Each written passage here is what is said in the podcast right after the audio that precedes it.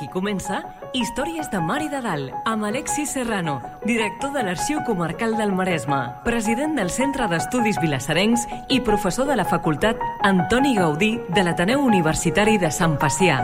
Un programa sobre el nostre passat, les històries, les tradicions, els personatges i el patrimoni de Vilassar de Mar. Una producció del Centre d'Estudis Vilassarencs en col·laboració amb Vilassar Ràdio i sota la coordinació de Núria Gómez. El 1614 es va iniciar l'excavació del subsol de la Basílica de Sant Sadurní de Càller i al seu entorn on se sospitava que estaven enterrats màrtirs de les persecucions romanes. Efectivament, foren localitzades centenars de tombes del que s'interpretà que eren màrtirs paleocristians.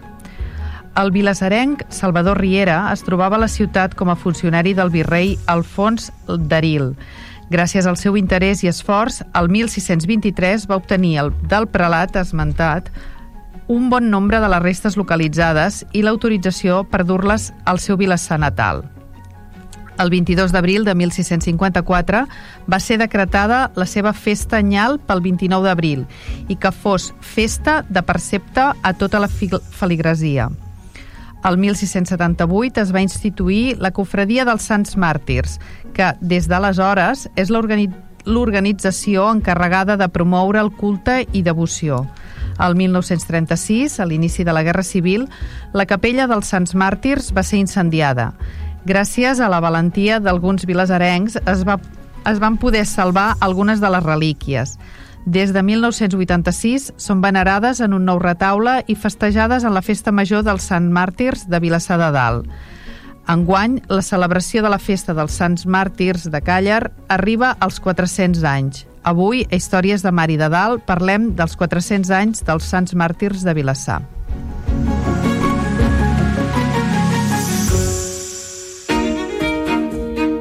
Històries de Mar i de Dalt Entrant en matèria. Benvinguts. En el programa d'avui parlarem amb en Josep Samón sobre els 400 anys dels Sants Màrtirs i si de cas l'Alexis ens en podria fer 5 cèntims sobre el tema d'avui. Sí, molt breument. Només, només centrar una mica la, la qüestió. Parlar dels Sants Màrtirs de Vilassar és d'alguna manera parlar de veneració de relíquies.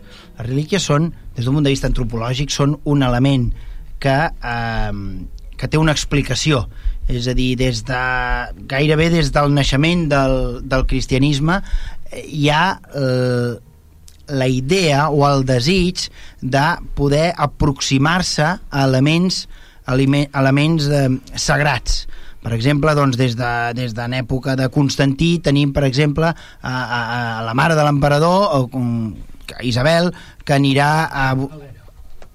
Helena. Ah, perdó, Helena. Uh, sí, Santa Helena, que serà la que es cuidarà, la, serà la que, teòricament, va a, a, a Jerusalem i localitzarà la creu, la creu on teòricament doncs, es va crucificar Jesús i, partir, i aquí tenim ja un, una, primera, una primera relíquia, una creu que va estar en contacte amb Jesús i que per tant, uh mhm. -huh. eh, però a partir, de, a partir des d'aleshores, o fins i tot d'abans, fins als nostres dies mm, hem, eh, el, el cristianisme ha buscat alguns elements doncs, pròxim a o a la santedat d'un sant o bé a, a alguns llocs sants on hi han tingut eh, llocs, doncs, algunes escenes doncs, que coneixem, de bíbliques, perquè ens entenguem, o fins i tot o fins i tot eh, restes humanes de, diguem, de sants o de, o de persones doncs, vinculades doncs, al més proper, com més properes a Jesús, millor.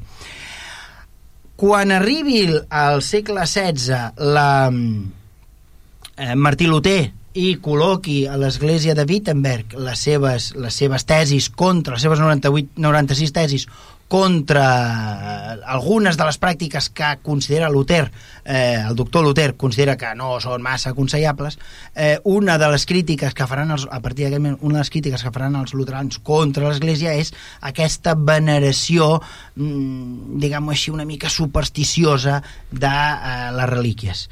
L'Església de Trento, per contra, quan es, quan es reformi si mateix, afirmarà que són una bona eina mm. per aproximar-se, per, mm, per per aproximar-se a, a diguem-ho així, a la salvació i que per tant fomentarà encara més. I per tant a partir de Trento veurem que hi ha una gran no sé si es pot dir la paraula, però una gran especulació a l'entorn de, les, de les relíquies i hi ha un gran mercat de relíquies. Eh, a l'edat mitjana n'hi havia, però en època moderna hi ha una, una, una febre per les relíquies. En aquest context eh, tridentí, diguem-ho així, de la reforma de l'Església occidental, catòlica, romana, eh, i en aquest context doncs, de, de gran devoció, perquè al final això ens parla de devoció, de, de la devoció dels fidels, no? Eh, doncs aquí tenim una peça, una peça fonamental i única a Catalunya, que és la veneració de les relíquies dels sants màrtirs de Vilassar, que és, eh, van rècords eh, pulveritza totes les marques. Pulveritza la marca de l'antiguitat perquè la devoció de les relíquies dels sants màrtirs és molt anterior a l'arribada de les relíquies de les santes a Mataró per exemple, només per citar sí. un exemple.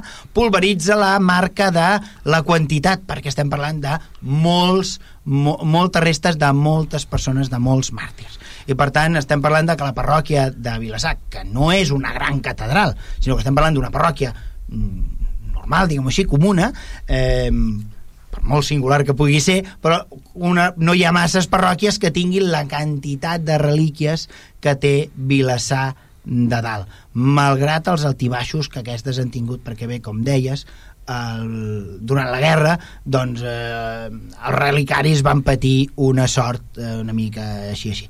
De tot això, per parlar-ne, tot això avui tenim la persona, jo crec una de les persones més autoritzades per parlar-ne, que és en Josep Samón i ara coneguem el nostre convidat d'avui. Històries de Mar i de Dalt.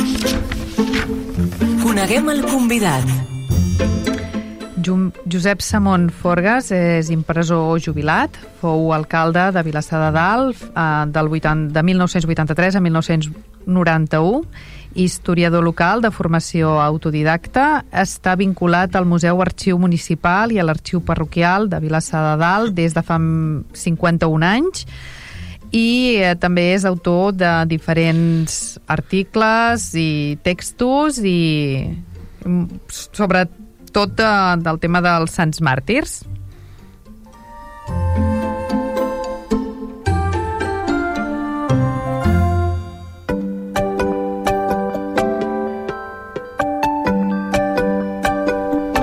Benvingut, Josep. Hola, bona tarda. Abans, quan jo estava llegint el, el text, anava veient una mà que anava dient que no. Em sembla que hi havia alguna cosa que he dit que no era correcta. Bé, has dit que el 36 es va cremar la capella dels Sants Màrtirs. Sí. Bé, això és el que s'ha dit eh, sempre, no? L'església de Vilassar es va cremar. Bé, no, no és ben bé així. Si l'església de Vilassar dalt s'hagués cremat tot el que hi havia a l'església de Vilassar dalt allà mateix, mm. l'església de Vilassar dalt hauria caigut sencera. O com a mínim s'haurien ensorrat tots els sostres. Mm -hmm. eh? Mhm. L'església de Vilassar de dalt la van tirar a terres nacionals Ah, val. Igual que amb l'església de Vilassar de Mar. eh? Val. Llavors, què va passar? L'església s'hi va fer foc, sí, però tots els retaules, els altars, les imatges, tot allò que tenia una combustió potent que hauria generat un incendi doncs, fort i que sí. hauria realment malmès l'edifici es va treure i es va cremar a fora de la plaça. Val. És veritat que l'altar dels Sants Màrtirs, doncs, que era un retaule impressionant doncs, de, talla de, de talla de fusta, no només els muntants, sinó tots els porticons, perquè dintre era un armari on hi havia les relíquies, doncs allò que tenia molta fusta doncs es va treure i les relíquies van anar tirades de qualsevol manera. Val. Un reliquiari que hi havia amb moltes relíquies, un reliquiari processional, es va, es va portar a l'Ajuntament. Eh? I altres relíquies que estaven guardades encara amb capses a l'arxiu de la parròquia doncs van guardar juntament amb l'arxiu. Durant la guerra eh, hi va haver qui va recollir relíquies de dintre l'església. Entre altres persones doncs, hi ha doncs, un agutzil de Vilassar a dalt que li deien que anés a vigilar l'església i de passada que allò doncs, recollia doncs, el que trobava aquelles ossos que aquell bon home recollia i altres persones eren dels que hi havia a l'altar dels Sants Màrtirs Probablement. Hi ha qui diu, oh, que podien ser de tombes de les que hi havia per terra a l'església que van ser profanades. I, però no es van profanar el primer dia les tombes de terra de terra de terra de terra uh -huh. l'església. Després de la guerra, doncs, el rector que hi havia doncs, va fer una crida perquè tothom qui tingués relíquies dels Sants Màrtirs, doncs, entre cometes, doncs, les tornés i pogués facilitar doncs, a, a, reprendre la devoció. I així es va fer. I en aquell moment doncs, el rector del poble i encara era viu mossèn Mas doncs van donar per bones una sèrie de relíquies que si ho són bé i si no també. Sí, sí, eh? sí la qüestió és doncs, ara, evidentment ara no es poden identificar les relíquies com abans els que tenien el lletraret doncs, que, cada una i les que es havien tret amb aquell reliquiari processional que n'hi havia moltíssimes aquell reliquiari al cap d'uns mesos el van anar a cremar amb un torrent eh, però era a la vora de les cases i van tirar quatre trets i el van arruixar i el van encendre i la gent del voltant a la que van marxar els milicians doncs van anar a pagar el que van, tot, tot el que van poder i se'n van endur les relíquies i les van guardar durant la guerra i després els van tornar uh mhm. -huh. això és el que hi ha amb les, amb les, amb les relíquies dels Sants Màrtirs de Vilassar de Dalt Ara, les relíquies de salvatges havien sigut ja violentades pels borbònics el 1713. Havien sigut violentades pels francesos el 1811.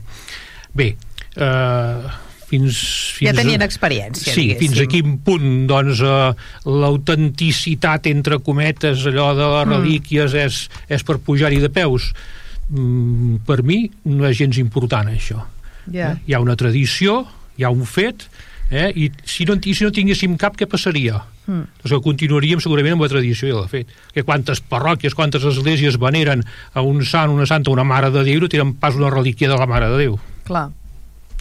Perquè estàvem dient que eren molts. Sí. Molts. El molts, com el quantifiquem? 67.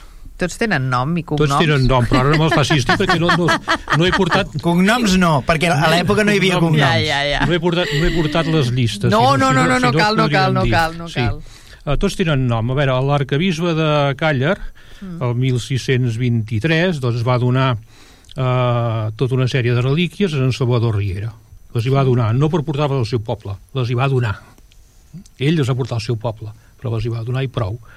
Salvador Riera era un personatge que encara no sabem ben bé què hi feia a Càller, tenim algun indici perquè hi ha una carta manuscrita, una còpia d'una carta, doncs que està signada d'ell, de puny i lletra, i està actuant doncs, amb negocis del virrei, i parla del, del príncep Filibert, que llavors sembla que era el virrei de, de Sicília i de, de personatges d'aquest nivell. Per tant, jo penso que era, era com un home de confiança del virrei i que li feia gestions. Sí. Uh, aquest senyor hauria estar doncs, ben relacionat amb tota la societat eh, diguéssim estamental sarda va participar o no en les excavacions que es feien i que encara van continuar molts anys després la qüestió és que li van donar un obsequi doncs, d'una col·lecció de relíquies sí. o ell se la va fer donar tampoc ho sabem ben bé no. i segurament encara en va adquirir més Llavors, en l'autèntica signada per l'arcabisbe Esquivel i després també signada pel virrei i pel notari apostòlic i després encara la fa legalitzar per un notari civil doncs hi ha eh, si no recordo 62 màrtirs 62 noms i després diem que són o 61, i després diem que són 67 perquè n'hi han eh, 6 o 7 més amb un altre document que acompanyava aquesta autèntica principal on entre l'un document i l'altre hi ha noms repetits llavors els repetits no es compten Val. però els no repetits sí llavors Val. diem que en total són 67 Val. I, I solen, perquè per exemple a Mataró no en ten, que tenim la Juliana i la Semproniana, mm. Julianes en tenim alguna, però Semproniana crec que no n'hi ha gaires. Aquí no, però per exemple posa... el, primer, el primer de la llista és un Pere. Pere. Bueno, I d'aquí ve doncs, que es digui doncs, Sant, el Sant Pere Martí i els seus companys, eh, es diuen a les oracions de la, de la, de la missa. Mm. Uh, llavors, Pere Martí, Pere Martí, Pere Martí és un nom bastant habitual. Sí. Eh? I eh, després hi ha molts altres noms. Hi ha un Genàs, hi ha un Suí hi ha un Hilarió, hi ha una Maranciana, hi ha una Sabida eh, i hi ha uns infants que són Gesmont, Victòria i Flora que aquests doncs eh, només els tenim amb una pedra eh, que vam trobar ara fa uns quants anys, que també en podem parlar, Uh, i aquests no surten a l'autèntica principal, només surten en, la, en el segon document i en la pedra que, que hi havia, hi havia dues, una es, es van perdre amb la guerra i una la vaig recuperar uh, gairebé doncs, allò per, per casualitat, doncs l'any 99 em penso que era 98, Pedra 99. que, que vau trobar Sí. a... A Vilanova del Vilassar. Vallès. A Vilanova, no a Vilassar. Amigo. A l'arxiu de Vilanova del Vallès Vas tro vau trobar una Jo, pedra? el meu avi era en Isidro del Raval, el Raval era Vilanova, mm. i els meus germans sempre em diuen que faig història de tothom menys de casa nostra, eh? i un dia em vaig anar al Raval a veure què trobava de la meva família, i allò que trobava la família em vaig trobar la pedra dels Sants Màrtirs, allà i es va acabar la investigació de la família. Home, clar. Està clar que no tocava. No tocava. És una làpida, en veritat. Sí, sí, és, és petita. És petitet. És com una rajola de València una mica més gran. Eh? Em sembla que fa 16 o 17 centímetres de, de costat, no és ben regular. I hi ha la inscripció de tres, de tres, tres, tres infants.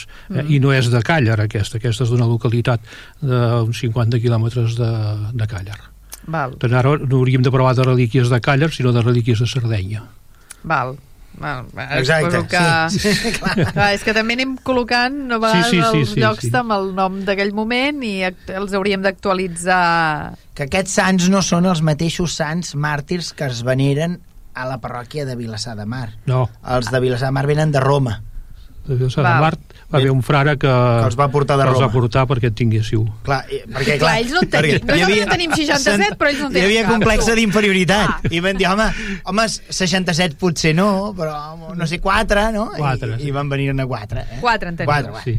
Que ja és lo normal per una parròquia, bueno, 4 i un trosset de la Vera Creu i una relíquia de Sant Joan, que bàsicament és el que hi ha a Vilassar i alguna altra coseta, però això ja és més normal, ja són xifres més normals de parròquies normal. És que lo de, lo de, lo de Sant Genís de Vilassar és, és, és apabullant. Però algun, algun autor ha escrit que, que després de la catedral és la parròquia que té més eh, relíquies de tot el bisbat. I, i m'ho crec. No sé, no sé si és veritat, no he dedicat mai a comprovar-ho. A- a comptar-ho. Però, però s'ha escrit, sí.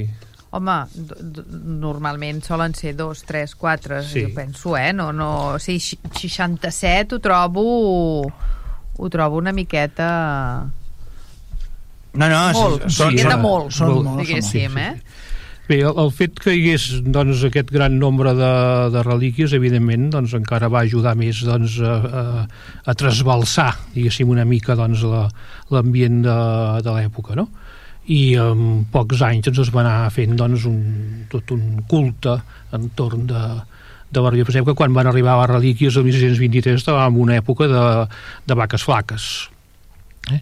I després encara va venir doncs, eh, la guerra de 1640 i que es va acabar amb la gran pesta de 1651-52 i eh, això fa que les obres de la capella i després el retaule i després es vagin allargant i no es faci entre la, la talla del retaule i el pintat i daurat doncs eh, passen eh, gairebé 12 o 14 anys quan es fa la, el 1654, després d'aquests episodis, és quan eh, es fa l'acord de demanar la festa major.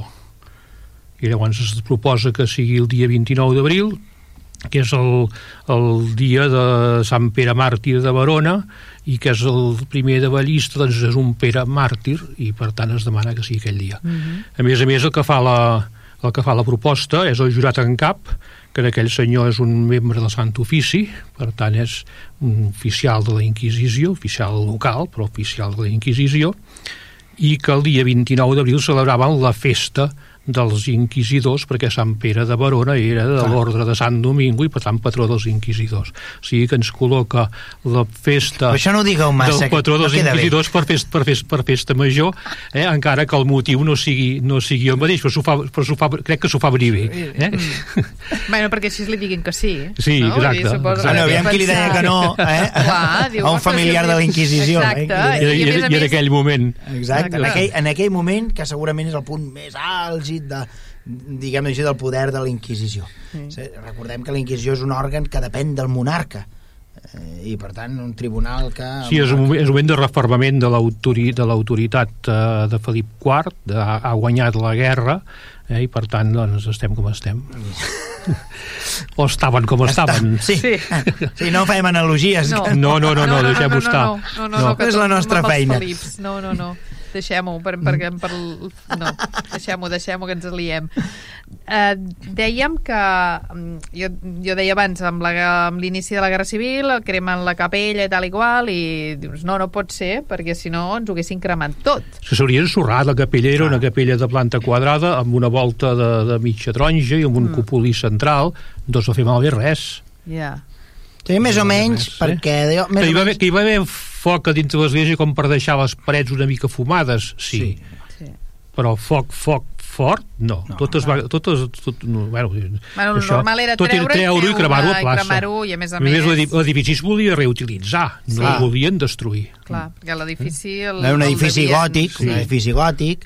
Eh, seria una cosa similar, una mica més gran que el d'Argentona, potser. Sí, fa però, no fa, sí. Però per fer-nos una Sí, idea d'un sí, edifici sí, com sí, aquell. sí. Si s'haguera cremat tots els bancs, tot el mobiliari, tot el Sí. parament religiós allà dins, doncs efectivament, eh, segurament haguera col·lapsat, els com molts altres edificis. Retaules, els retaules uh, gòtics, tu saps, doncs eren una estructura de taulons, bueno, taulons de vigues, Sí, sí, sí, de sí, vigues sí. de fusta molt fermes, eh, amb tots els treballs doncs, de decoració que feien doncs, Sí. els, els, els tallistes, eh, els escultors, i després hi havia les teles, que potser eren teles o potser eren taules, que això no he acabat d'aclarir mai. No, clar, Eh? les però, fotografies però, però no. si allò crema, allò fa una foguera impressionant. I a més fusta seca, perquè de Exacte. molts anys De ja que molts era anys, seca. sí. fusta de 4 o 5 segles, vull dir, els, el, les voltes de l'església no haurien aguantat aquell, aquell foc. hagueren vist salvant les eh, distàncies, el que varen veure d'alguna manera a, a, a Notre Dame. Sí. Un foc d'aquella virulència. Ja és diferent, perquè ja es va Sí, cremar allà el es va sostre. l'exterior. Ja es va cremar el sostre i per sort el foc no va arribar a baix. Si hagués arribat a baix, mm. segurament no, no quedaria eh, gairebé res, malgrat l'alçada eh, de la Sí. catedral de Notre Dame. Però la realitat és això, és aquesta. Però sempre s'ha dit. I, i, I sempre hem d'anar lluitant contra això. A Vilassar de Mar, a Sant Joan, a la parròquia de Sant Joan, va passar exactament el mateix. El mobiliari va anar a la plaça, eh, l'església se li va donar un ús durant tota la guerra, eh, s'hi aparcaven camions, etc etc, es feien altres usos, com a Mataró, Santa Maria es va convertir en mercat, mercat, sí. eh, se li va donar un altre ús, civil, en aquest cas, i, mm, i, i, i clar, després quan entren els nacionals decideixen que la, aquestes dues esglésies germanes, diguem així, Sant Joan i Sant Genís, s'han d'enderrocar per fer aquestes esglésies que tenim una mica, no t'ofenguis, però són una mica cinc castillos. Sí, sí. Són d'aquest regust historicista, eh, que tira gust florentí, però molt, molt, molt passat de rosca. I, En i aquí a Vilassar de Marta encara la teniu força ben dimensionada, però Vilassar de Dalt és allò un mamut amb una terrisseria. Sí. Eh? Vull dir, és, és, és molt gran per el lloc on està posada. I a més el campanar. Eh, nosaltres vam tenir la sort que es va acabar el pressupost i el campanar va quedar el campanar del segle XVIII, que Nosaltres encara vam no. tenir sort, i en canvi a, a, a, Sant Genís van fer un campanar, que és, que és una torre, una, una torre d'aquelles del nord d'Itàlia, no? el Altíssima. el varen derrocar completament i el volien tornar a muntar, el van, el van desmuntar numerant les pedres. Però no va passar. No. Això de les Bé, pedres parlem de Sants numerades. Màrtirs i Tornem, deixem tornem. l'església. un altre dia parlarem de l'església. Parlàvem de que aquest any es fan 400 anys De l'arribada de, de les relíquies. De l'arribada. I què, què farem? Farem alguna cosa? Bé, ara hem acabat de fer la festa major. Bueno, Abans sí. d'ahir hem acabat de fer la festa major i després, bueno, aquí hi ha, a veure, quin dia van arribar les relíquies? No ho sabem. El, sembla que és el 13 de març, l'arcabisbe de Càller signa aquesta autèntica que abans parlàvem doncs, allà. El 22 d'abril, si no recordo malament, doncs, eh, segons les cròniques d'en Jeroni Pujades, el virrei Alfons d'Arill doncs, arriba a Barcelona tornat del seu virregnat desditjat de Sardenya, diu en Jeroni Pujades, perquè va tenir alguns, alguns entrebancs aquest senyor en el seu virregnat i no sabem si en Salvador Riera venia en el mateix vaixell doncs, eh, i portava les relíquies o si va venir poc després amb un altre viatge. El cas és que pel juliol les relíquies ja havien arribat a l'església de Vilassar i el 14 de juliol el bisbe de Barcelona n'autoritza el culte o sigui, el rector i els jurats de la, de, de la parròquia de Sant Genís de Vilassar eh, demanen que se'ls autoritzi aquest culte i el bisbe hi accedeix i al darrere, la part posterior del pergamí on hi havia es, es, escrita l'autèntica, s'hi escriu l'autorització del bisbe de Barcelona. Per tant, és la primera data certa que sabem que les relíquies eren a Vilassar, el 14 de juliol de 1623. Entorn de 14 de juliol del 23, doncs també mirarem de fer una mica de festa eh? encara uh -huh. s'ha intentat ja programar-ho tot, no s'ha pogut que hi ha alguna cosa per lligar però en principi doncs, farem una mica de vida tant una mica religiosa com doncs, popular, civil doncs, de, uh -huh. de, de, de carrer mentrestant doncs què hem fet?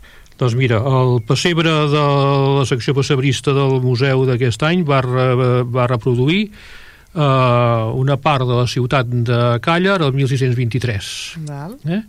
amb la basílica de Sant Saturní o Sant Saturnino, que diuen allà, doncs eh, tal com era en aquell, en aquell moment, perquè aquella basílica que ja era enrunada en aquell moment, només tenia, doncs, era, era una basílica de planta de creu grega, amb un absis afegit en la, en la capçalera, i llavors de les, de les ales, eh, diguem-ne, mm, nord, de Ponent i del sud estaven sense cobrir, s'havien ensorrat.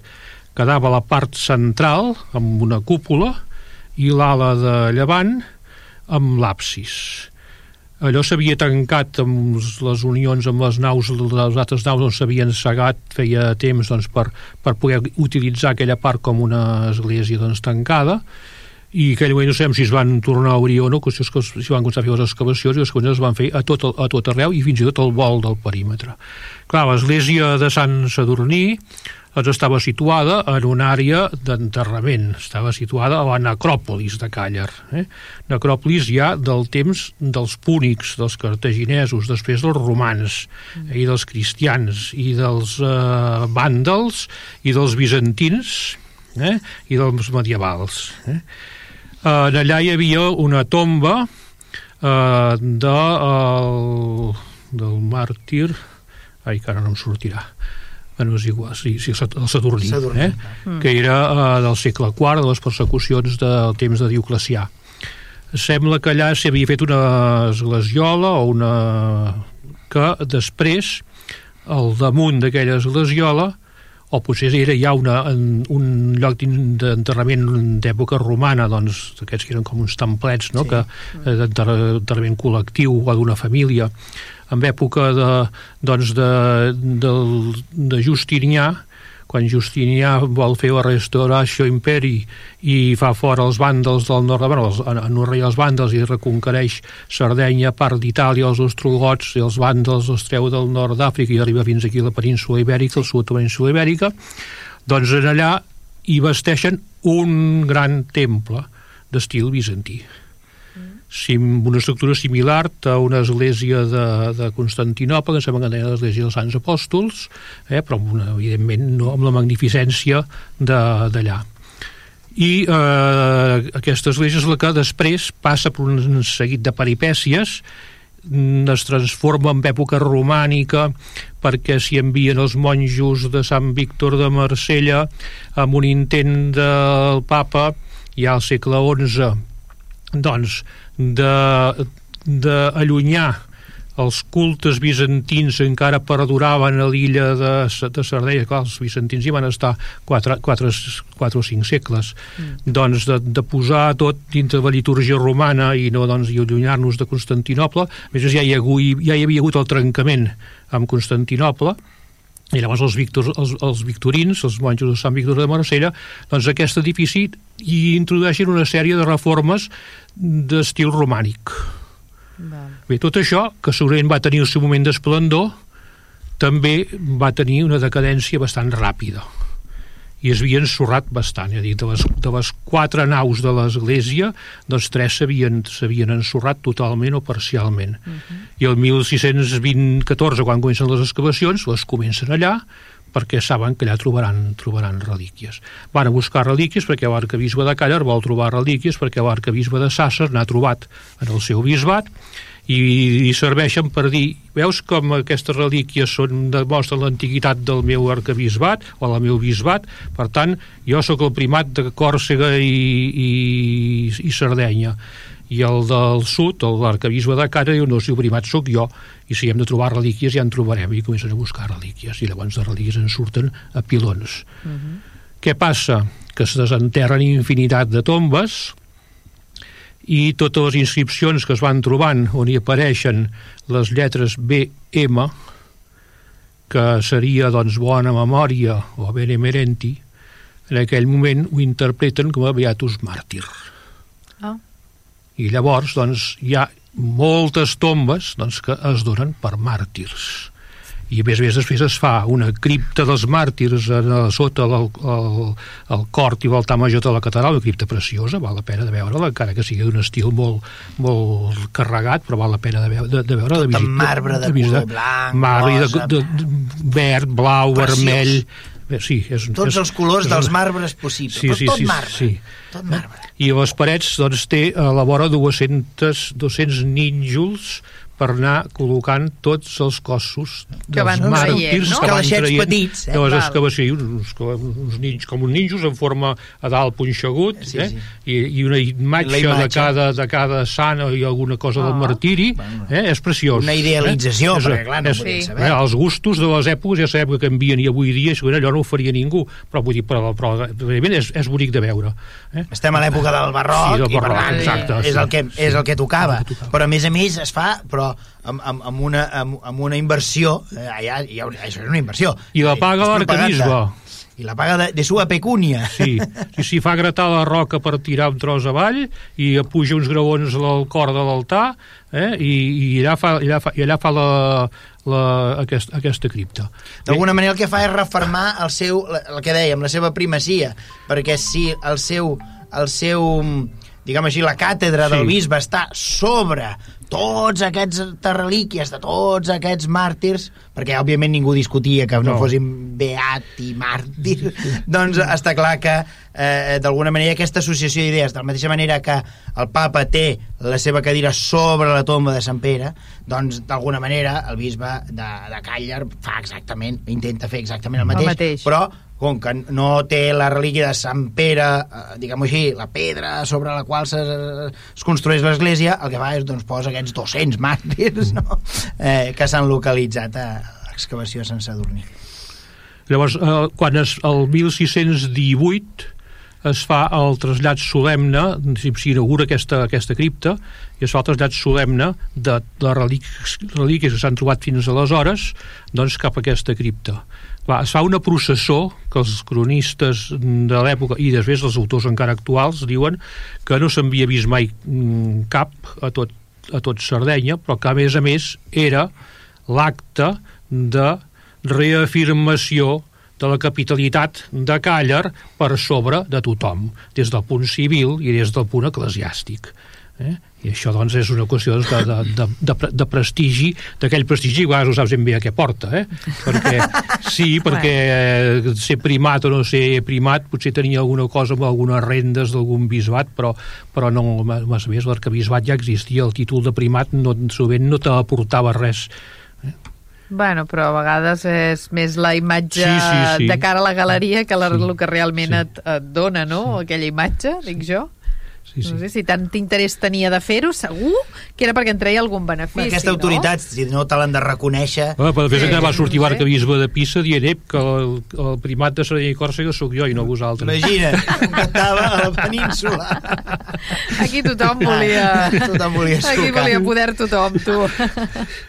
Llavors heu, vau començar fent un pessebre Ah, el president, amb, amb, amb Càller, sí. Sí. Després em fer, vaig fer una conferència el mes de gener al, allà al, al museu.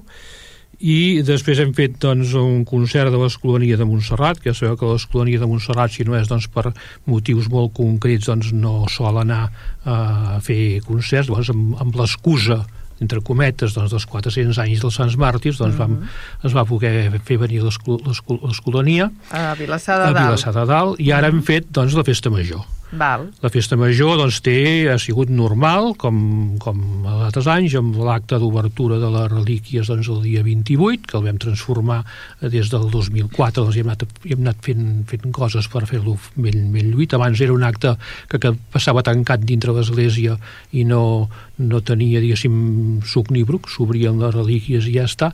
Ara és un acte festiu, participat. Hem fet uns estandards a tots els barals de, del poble. I aquest any hem incorporat també el veïnat de Cabrils i finalment per un seguit de malentesos no ens vam acabar d'entendre perquè vingués algú de Vilassar de Mar. Jo vaig, jo vaig fer uns contactes però vaig estar molt ocupat vaig de, delegar i resulta que em vaig pensar que ja anava i resulta que no anava i quan vaig voler recuperar ja era massa tard eh? Bueno, l'any que ve. L'any que ve, L'any eh? Aquí, des d'aquí, eh, a, a, a, fem l'anunci, l'any que ve, No, sobretot. Entono, Ja- ja el, el ja meva t'ajudem. culpa, el meva culpa per les persones que vaig contactar i que després doncs, jo no ho vaig seguir i però que, mira, no ha pogut ser, és igual, un altre, Bueno, de un, l'any que altre ve, any. de moment ja estem tirant Llavors aquí l'am. se'n centren, o sigui, s'ofrenen les roses, hem creat un cap gros d'en Salvador Riera que acompanya en certa Val. vila que porta tota aquesta gent cap a plaça. A plaça es fa una crida eh, es va trucar a l'Ajuntament perquè surtin les autoritats, els hi demana que volem la festa major i que anem cap a l'església per obrir els Sants Màrtirs. Allà el rector els espera, els saluda. Van entrar en les colles amb el seu estandard i el seu pom de roses que porten a la capella. Els últims d'entrar són els diaplons i els gegants els gegants també porten a la mà doncs, al lloc de portal que porten sempre porten un ram de roses mm. fan un ball amb una melodia pròpia pels Sants Màrtirs entonant una mica doncs, la melodia dels goig doncs, allà dintre l'església davant de la capella dels Sants Màrtirs i en acabat l'alcalde o alcaldessa en aquest moment doncs eh, renova el vot de poble Val. vam fer un text per renovar el vot de poble i es repeteix aquest, aquest, aquest text sense variacions any, any rere, rere any i en acabat d'això anem doncs a la presidència van davant de la capella i llavors allà es procedeix a obrir aquests retaulons doncs, de la nova capella que es van refer perquè es pogués mantenir aquesta tradició d'obrir d'obrir i tancar els Sants Màrtirs. El dia de la festa major, el 29, doncs hi va haver la missa solemne, aquest any va venir el cardenal a presidir-la, a més a més la coral Marein doncs, va interpretar una missa brevis, que ara no passi dir com es deia, perquè el programa deu dir, eh, és d'un autor americà, i, uh, i aquí el, aquell dia es va acabar uh, sempre doncs, és tradició doncs, que els capellans que venen doncs, els faci un dinar a la rectoria. Aquesta vegada vam, vam ampliar el dinar doncs, a una representació municipal i la gent de la junta de la confraria vam fer un dinar en un altre lloc perquè poguéssim capiguer-hi tots Ah, molt bé. i el dia segon dia de festa major és un dia que no passa res, a més hi ha una missa per tots els confrares difunts d'aquell any, i el tercer dia, l'últim dia, és el tancament dels Sants Màrtirs. I llavors tenim un altre acte tradicional que perquè es comença amb unes completes, les completes doncs és allò l'última oració del dia del, del, de l'ordre diví, doncs el que es, normalment es fa als llocs on hi ha comunitats religioses, abans es feia, es feia molts, a moltes esglésies i de, de poble i tot, però ara a Vilassar només es fan per la festa, per la festa major. I en aquestes completes en la primera part que hi ha uns salms s'hi intercalen en els versets del salm 11 interludis musicals d'autor anònim que ja es tocaven a finals del segle XVIII. Mm. Hi ha una consueta d'un rector que diu el dia 1 de maig, eh, al vespre, eh, després de les completes, s'abaixa a la capella, s'abaixa, perquè ells estaven al cor, de dalt, el cor uh -huh. superior, s'abaixa a la capella i se canta l'O.T. Deum alternat amb les músiques i són 11 eh, interludis perquè eh, s'intercalen bé amb els versets del Tedeum. No sabem per què durant el segle XIX es van passar entre els salms, el Tedeum va, des, va, des, va desaparèixer. I ara fa, bueno, sempre hem sentit interpretat entre els salms. Eh, en acabat d'això, doncs fa una petita processó, es torna a l'església i llavors es fa la veneració, la veneració de la relíquia amb un reliquiari manual i eh, la gent llavors va passant a venerar la relíquia i s'apropa a la capella dels Sants Màrtirs i se'ls dona una d'aquelles roses que el dia 28 s'han portat. Ah, val. I tothom se'n va de l'església almenys amb una rosa a la mà i qui pot dues, dues, i si algú replega tres també. Eh? i llavors es tanquen, es tanquen i es tornen a tancar els Sants Màrtirs doncs, fins l'any que ve. Uh -huh. Això és el que hem fet fins ara. Val. A partir d'ara farem una sèrie de conferències que estan per aquí Sí. referenciades, que mm.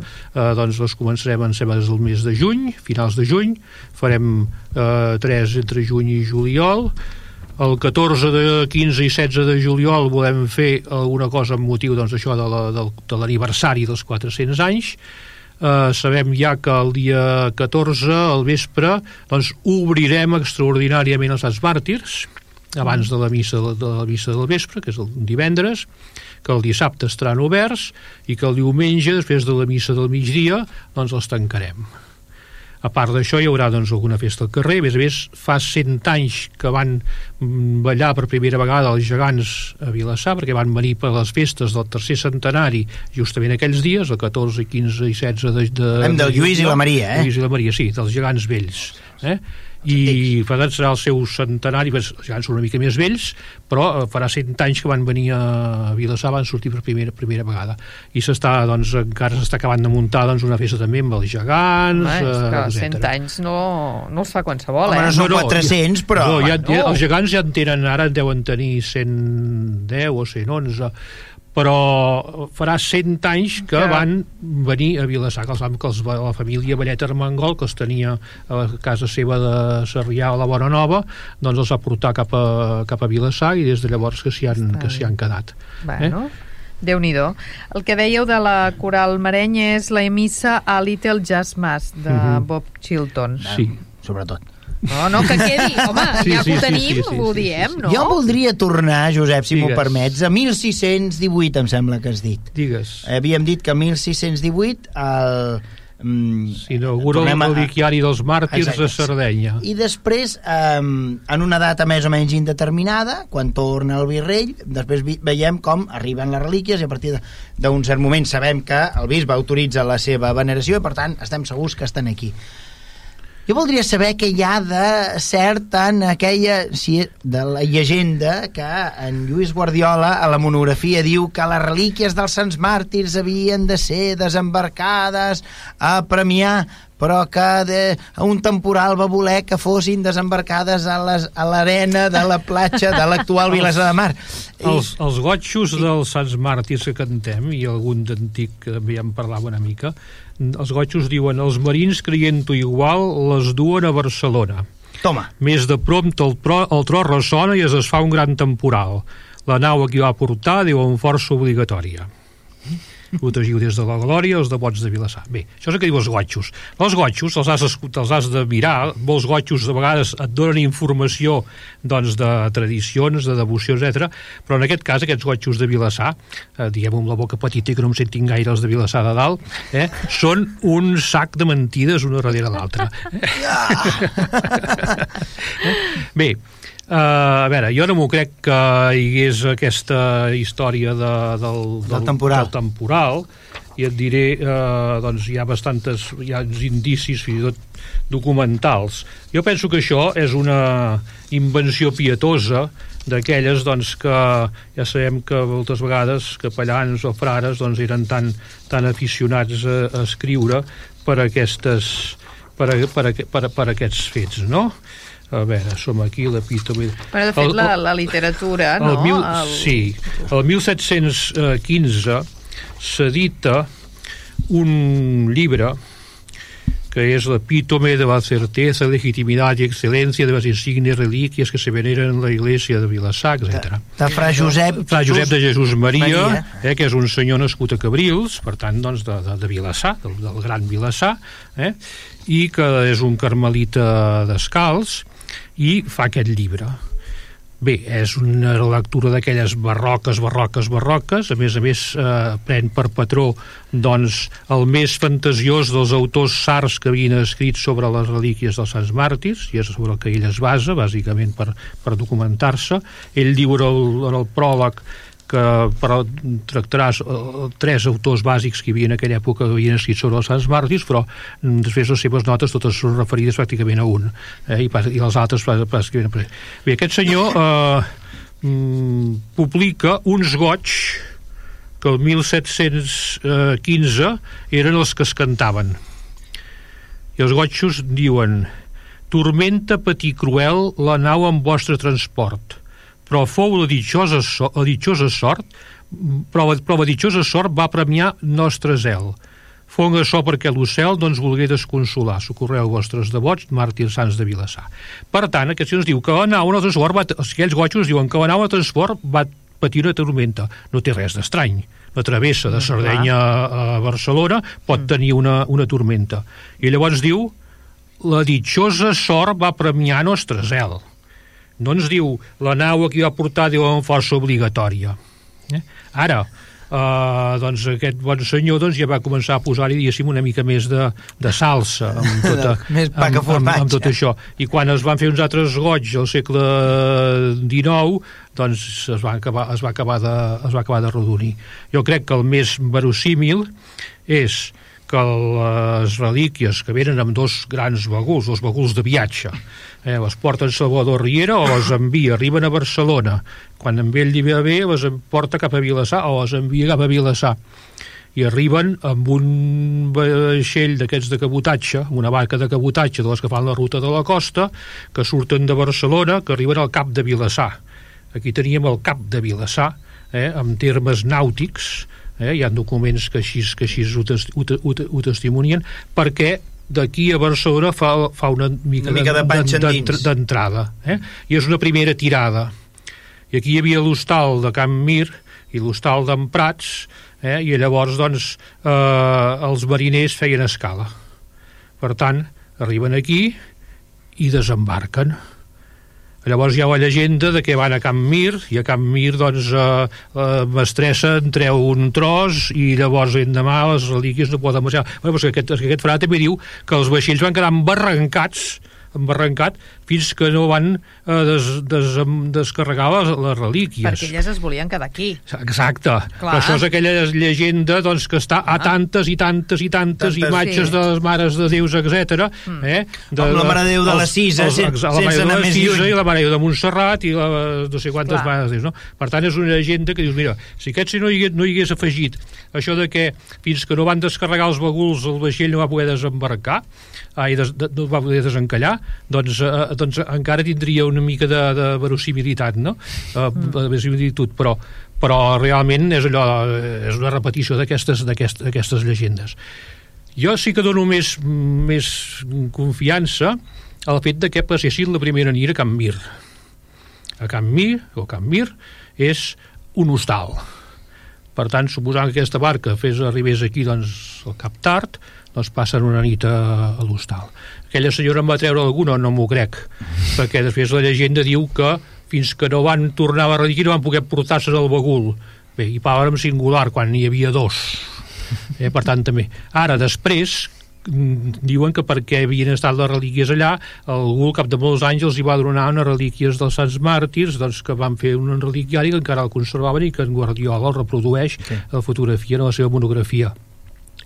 Per tant, jo això, diguéssim, això encara té una, una base que puc creure, no? Ara, el de la tormenta que va portar el vaixell aquí obligatòriament, no. Eh? Aquí hi va haver una tormenta, molt bé, però el vaixell va anar a Barcelona amb, amb més motiu. Si hi ha una tormenta, busques un port. Exacte. Sí, clar. I Vilassar, eh, a dia d'avui encara no té port, imaginem el segle XVII. Llavors, aquell moment, aquells moments que era doncs, a l'època de l'auge del, del bandolerisme, era més segura la ruta marítima oh, que la ruta per terra. Clar. Eh? Per tant, era una cosa molt habitual. Per tant, venir de Barcelona aquí amb una barca de cabotatge, amb un llagut, amb el que fos, doncs això sí que per mi és verosímil. Que passessin una nit a l'hostal de Camir també és verosímil. No, depèn de l'hora que arribessin. L'hora que arribessin clar, no van pujar fins a perquè també hi havia, també hi havia bandolers aquí, eh? Clar, i a clar. més es feia fosc, exacte, i per exacte. tant, i el camí era el que era, exacte. que s'hauria de pujar, m'imagino, per la Riera. Per la Riera, sí. Clar, I per sí, tant, doncs, clar, té una certa complexitat, per tant, Bueno, una cosa, estem davant d'aquelles situacions, és un clar exemple, d'aquelles situacions on l'historiador ha de buscar la, la interpretació més plausible. Sí. És a dir, traient allò que dius, bueno, això fa una mica de...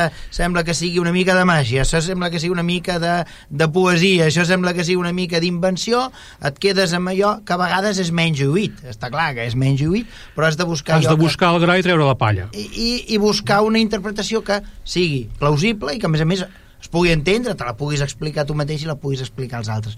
Molt curiós el que ha fet el, el Josep ara, que ha fet quan a vegades s'ha de fer història i intentes anar aproximar-te a allò que podríem dir la veritat, si és que existís, eh? no em vull posar No, no, no, no filosòfic, no, si, però, no em vull, posar- però la realitat és, bueno, parteixes de la versió que tens més recent, no? que curiosament és la que la gent té més apresa o més...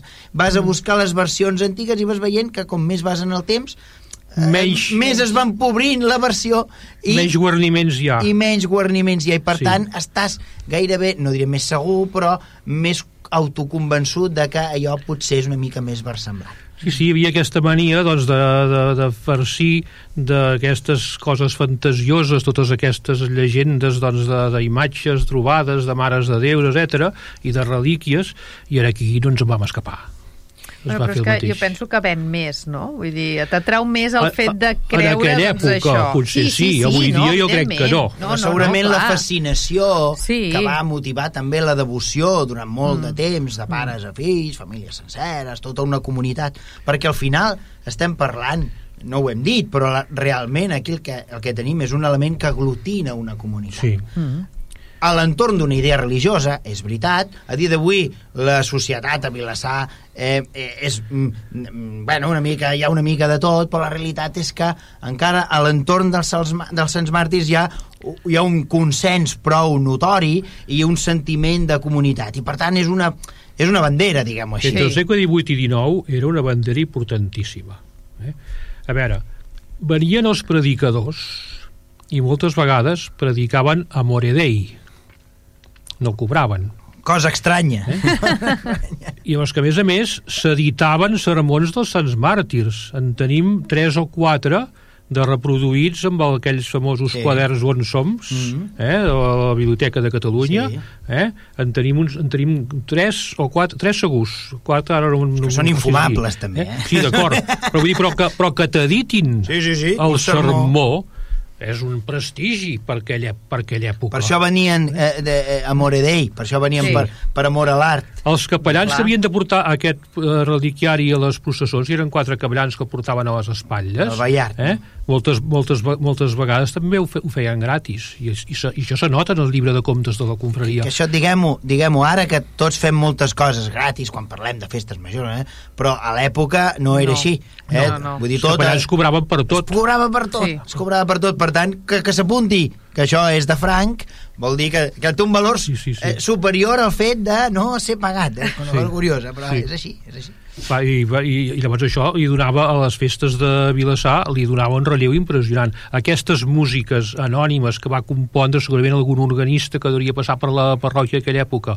Escolta, tu que el dia 1 de maig allà es fes doncs, eh, aquell sarau a dintre l'església amb aquelles, amb aquelles músiques només per als Sants Màrtirs, tot això li donava un relleu impressionant a la festa. En una època que no hi havia música enllaunada, No, que no. per tant tota la música havia de ser interpretada eh, en directe. Per tant, quan sempre diem associem música a festa, perquè no és quelcom que et puguis permetre No. cada dia. Eh? La tant, despesa més gran de les llibres d'administració de la confraria sempre són els músics i els ministrils. Ministrils. La música també de les festes civils. Sí, al carrer. eh? La música del carrer. Eh? Bé, la música, podem, en ho podem, general. ho podem, a veure, una cosa és la música i la, o sigui, les festes dels sants i, i les festes majors i la festa civil sempre han anat de bracet Sempre. eh? el concili de Trento diu vigileu que les festes dels sants i de les, i de les relíquies eh, no es converteixin en motiu de disbauxes i, i platgeris per dir-ho d'alguna manera vull dir, no, ho diu, no ho diu així però eh, vull dir que, que eh, això els, els pares tridenti, els pares conciliars del concili de Trento ja ho van deixar eh, ja ho van deixar escrit pel dit perquè que s'ho veien a venir, no, eh? no, no s'ho veien, passava Eh, passava. ja passava, no s'ho veien a venir, no, ja passava Però si es veiessin fins on hem arribat. Pobres. per, per tant, bé, i després hi ha una cosa que potser els de Mataró els garraparan. Jo penso que les festes van, de la Santa les van fer perquè tenien enveja de Vilassar de Dalt. Segur, jo estic convençut. Portàvem 175 anys d'avantatge, o 150, quan van fer les, quan van fer les Santes. Eh? Bé, pues segurament seria qüestió d'enveja, igual que aquí van portar uns sants, unes No, relíquies, no? Però les nostres van venir de Roma. Ah, Sí. val. I Roma té eh, un, un, un component superior. Superior, sí. Eren quatre, però de Roma. De Roma. Sant Reparat, Sant Innocenci, Sant Mansuet i Sant Espaciosa, que tenen una, una virtut. El fet de ser-ne quatre i no 67, sí. com que som així de mandrosos, ens permet aprendre'ns-ho de memòria. Exacte. Exacte, perquè ells és més difícil, Home, eh? 67 és... En fi, Sí, sí. A és quasi un amb- rusa. És una lletania, de fet. Gairebé, gairebé. In se per se és una Ah, no? lletania. La lletania dels Sants que s'havia cantat alguna vegada amb alguna processó, no, no teníem temps de fer tota la processó que encara ens esveraven Sants. encara faltaven sants. Uh, Se'ns acaba el temps. No, no, no tindrem temps de que ens els puguis dir tots, eh? Encara que te'ls No, sabiguessis, no, no, no, no, no no, els podries dir tots. No sé si amb tot el que hem parlat hi ha alguna cosa que hagi... Diguis, ostres, això no ho hem comentat i aprofitem ara. A veure, hi ha personatges singulars en tota la història dels Sants Màrtirs que doncs, ja han tingut un paper rellevant doncs, aquest, aquest, a part de Salvador Riera doncs, que és una mica el que el provoca doncs, aquest fet després doncs, aquest fra Josep de Jesús Maria doncs, que fa aquest llibre doncs, que clar, és la vida dels sants eh, Mm. que no té, clar, com un poble que tenen un sant tindran una vida d'aquell sant doncs, teníem 67 sants, com ho fem això Sí. eh? aquella senyor va escriure una vida dels sants doncs, que la va treure d'allà on, va, on va poder no en va trobar de tots, d'alguns no en va trobar eh, documentació. Després això es repeteix, es torna a editar aquell llibre del segle XIX, amb només edició igual, amb un altre format, i només amb un afegit, perquè ja s'havien separat els parròquies i els termes doncs, de Cabrils i de Val. Vilassar de Això Mar. passa al principi. Eh? Quan descriu, No. quan descriu Vilassar, Clar. no? diu... Clar, eh, òbviament han canviat les fronteres, diguem-ho així. I allò, eh, allò, allò es, es va aparèixer una, una nota una mica llarga, una nota que és l'única variació que hi ha en el, en, en el text. Després tenim, doncs, de cara doncs, ja el famós mossèn Mas, a l'arxiver de la catedral, doncs, que ja sabeu, havia nascut a Sant Mateu, va viure a Vilassar des de petit perquè havia quedat sense mare doncs, al, al néixer, els avis van venir a viure a Vilassar amb motiu de la revolució de setembre del 1868 i ell va créixer allà, després va anar ja a fer-se estudiar a Matró i va anar al seminari però sempre va estar vinculat a Vilassar i va viure i va morir i va ser un dels factòtums de tot el que representa doncs, la devoció als Sants Màrtirs va ser un altre llibre doncs, més adaptat al, 19, al segle XX Al seu temps. doncs, Mm. sí, tot i que no hi va fer cap investigació personal eh? aportacions no, no... Però la literatura ja és va, més adaptada hi havia, hi havia, hi havia, hi havia fotos, hi havia més notes històriques i coses d'aquestes hi havia també mossèn Eudal Serra Buixó, que és el fundador de la Valvaciana, eh? que era de Vilassar de Dalt, que també hi va, hi, va, hi, va, hi va participar, i més modernament hem tingut un altre capellà que hi va dedicar moltes, molts esforços, que va ser mossèn Àngel Fabra Grau, un altre arxiver de la catedral, tot i que també hem de dir doncs, que, que tampoc va fer cap aportació allò escrita de coses noves, eh? vull dir, això no, no es va fer fins que vam descobrir doncs, eh, les procedències de les relíquies quan vam anar a, a, a Sardenya a partir de l'any 1990. I ara modernament una cosa que sí vull dir és que aquesta làpida que vaig trobar Sí. eh, amb aquests noms, doncs resulta que a través dels mitjans d'informació actuals va arribar notícia a un poblet de Sardenya que es diu Gèssico, o Gèssigo, diuen allà, que ens van posar en contacte nosaltres per dir-nos, escolteu, aquesta làpida i aquests noms que teniu van sortir del nostre poble el 1621 Uh -huh. i ens van fer també els 400 anys i ja hem estat en contacte, jo he anat allà he, he fet una aportació en un simposi que hi va, que hi va Sí. haver i estem tenint relació i per això dic que ara tenim relíquies doncs, de Càller i de Gèssico igual que hi van haver, hi van haver 9 o 10 localitats eh, sardes doncs, que en aquelles campanyes doncs, es van trobar també eh, relíquies Molt bé, doncs moltíssimes gràcies, Josep, per tot el que ens has explicat. Hem arribat al final del programa. Recordeu que podeu tornar a escoltar el programa a través de vilassarradio.cat i a Spotify buscant històries de mar i de dalt. També us podeu subscriure al canal de Spotify per rebre el programa cada setmana. Adeu i fins al proper programa. Històries de Mar i de Dalt, un programa sobre el nostre passat, les històries, les tradicions, els personatges i el patrimoni de Vilassar de Mar. Una producció del Centre d'Estudis Vilassarencs en col·laboració amb Vilassar Ràdio i sota la coordinació de Núria Gómez.